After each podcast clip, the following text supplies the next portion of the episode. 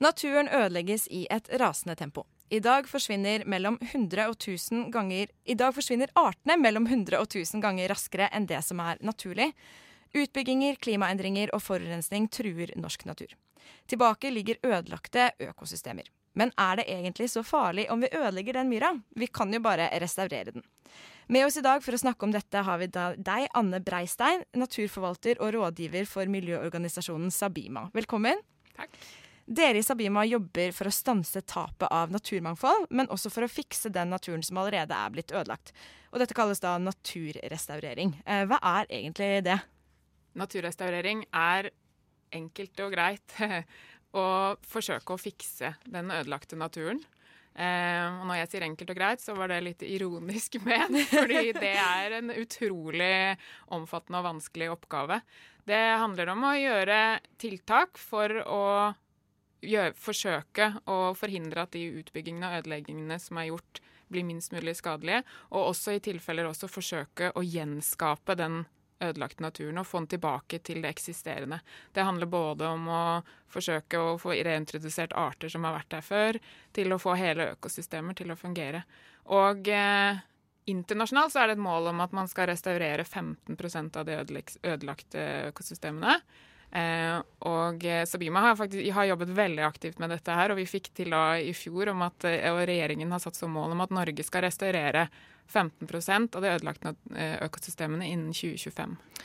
Naturrestaurering kan jo foregå på ganske mange forskjellige måter. Og en måte som kanskje mange har lagt merke til eller sett, er jo etter at en vei er bygget, f.eks.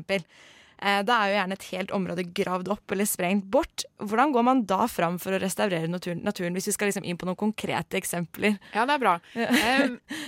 det som er viktig, er jo at utbyggeren har laget en plan for at den skal restaurere før han begynner inngrepet. For det som er viktig, er at man må ta vare på de lagene av jord som lå der før man begynner å grave opp veien. Så det de gjør da, er at da forsøker de da å ta av jordlaget, og så legger de det gjerne da på matter og legger det bort. Og når eh, inngrepet er over, så forsøker de da også å legge det tilbake. Og i tillegg også, så kanskje da jord går tapt og lignende, så må man kanskje plante frø uh, for å få tilbake engene eller få tilbake naturen. Og da, da, kommer vi inn på en litt sånn problemstilling som er vanskelig. For da er det liksom ikke bare å gå på Hageland og kjøpe en pose med frø, men da må du faktisk ha de artene som lever der. Akkurat de samme artene som var der fra før av? Ja, så å si. Så det er et vanskelig prosjekt? Ja, veldig vanskelig prosjekt. Eh, det er jo sånn at Norge, sånn som du sa, eh, faktisk driver med en god del naturrestaurering. Har du noen eksempler på noen gode norske naturrestaureringsprosjekter som gjør deg glad? Ja, jeg har, jeg har, eksempler. Dessverre så har Norge kommet ganske kort i restaureringsbiten. I internasjonalt så har de drevet med restaurering veldig mye lenger enn i Norge. Og det handler jo gjerne om at vi har en, mye mer natur og har hatt en idé om at eh, det ikke trengs å gjøres på samme måte. Um, av sånne kjempestore prosjekter som er satt i gang, så er det f.eks. på Hjerkinn på Dovre.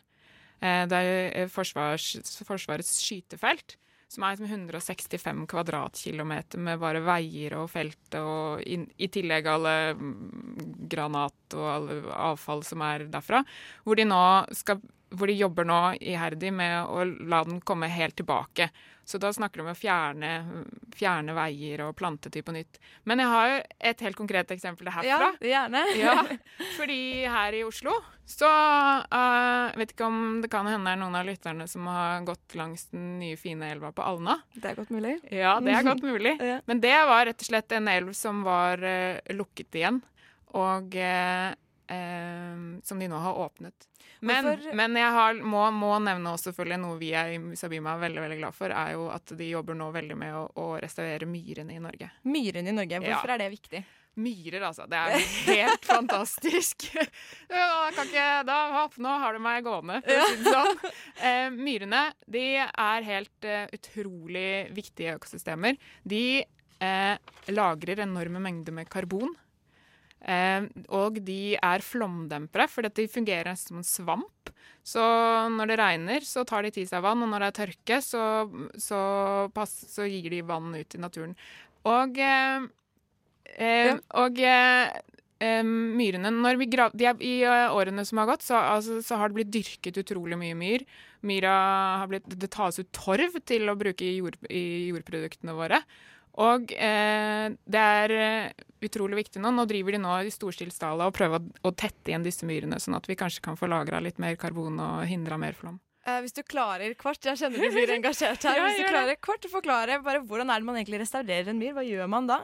Man tetter igjen, fordi myrene, myrene blir grøfta sånn at vannet skulle renne ut. Mm. Så da tetter man igjen. Man legger kvist og kvast og tømmer og jord, og forsøker da å, å få myra til å igjen få lov til å liksom lagre på vannet. Og det er ganske tidkrevende også å restaurere en myr? Veldig tidkrevende. Ja, veldig tidkrevende. Hvor mye, hvor, lang, hvor mye tid snakker vi? Vi snakker mange, mange år. Og det er, altså, en myr i seg selv vokser da én millimeter i året.